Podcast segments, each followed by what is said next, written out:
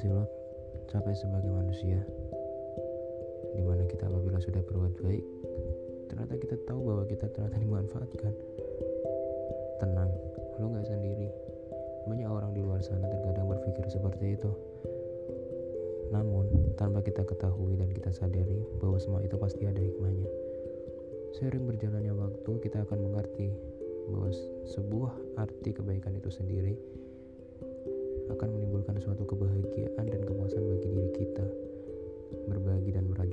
merajut asa, berbagi kisah dalam suka dan duka. Podcast ini hadir untuk menemani kalian yang berjiwa-jiwa kuat untuk menjalani kehidupan.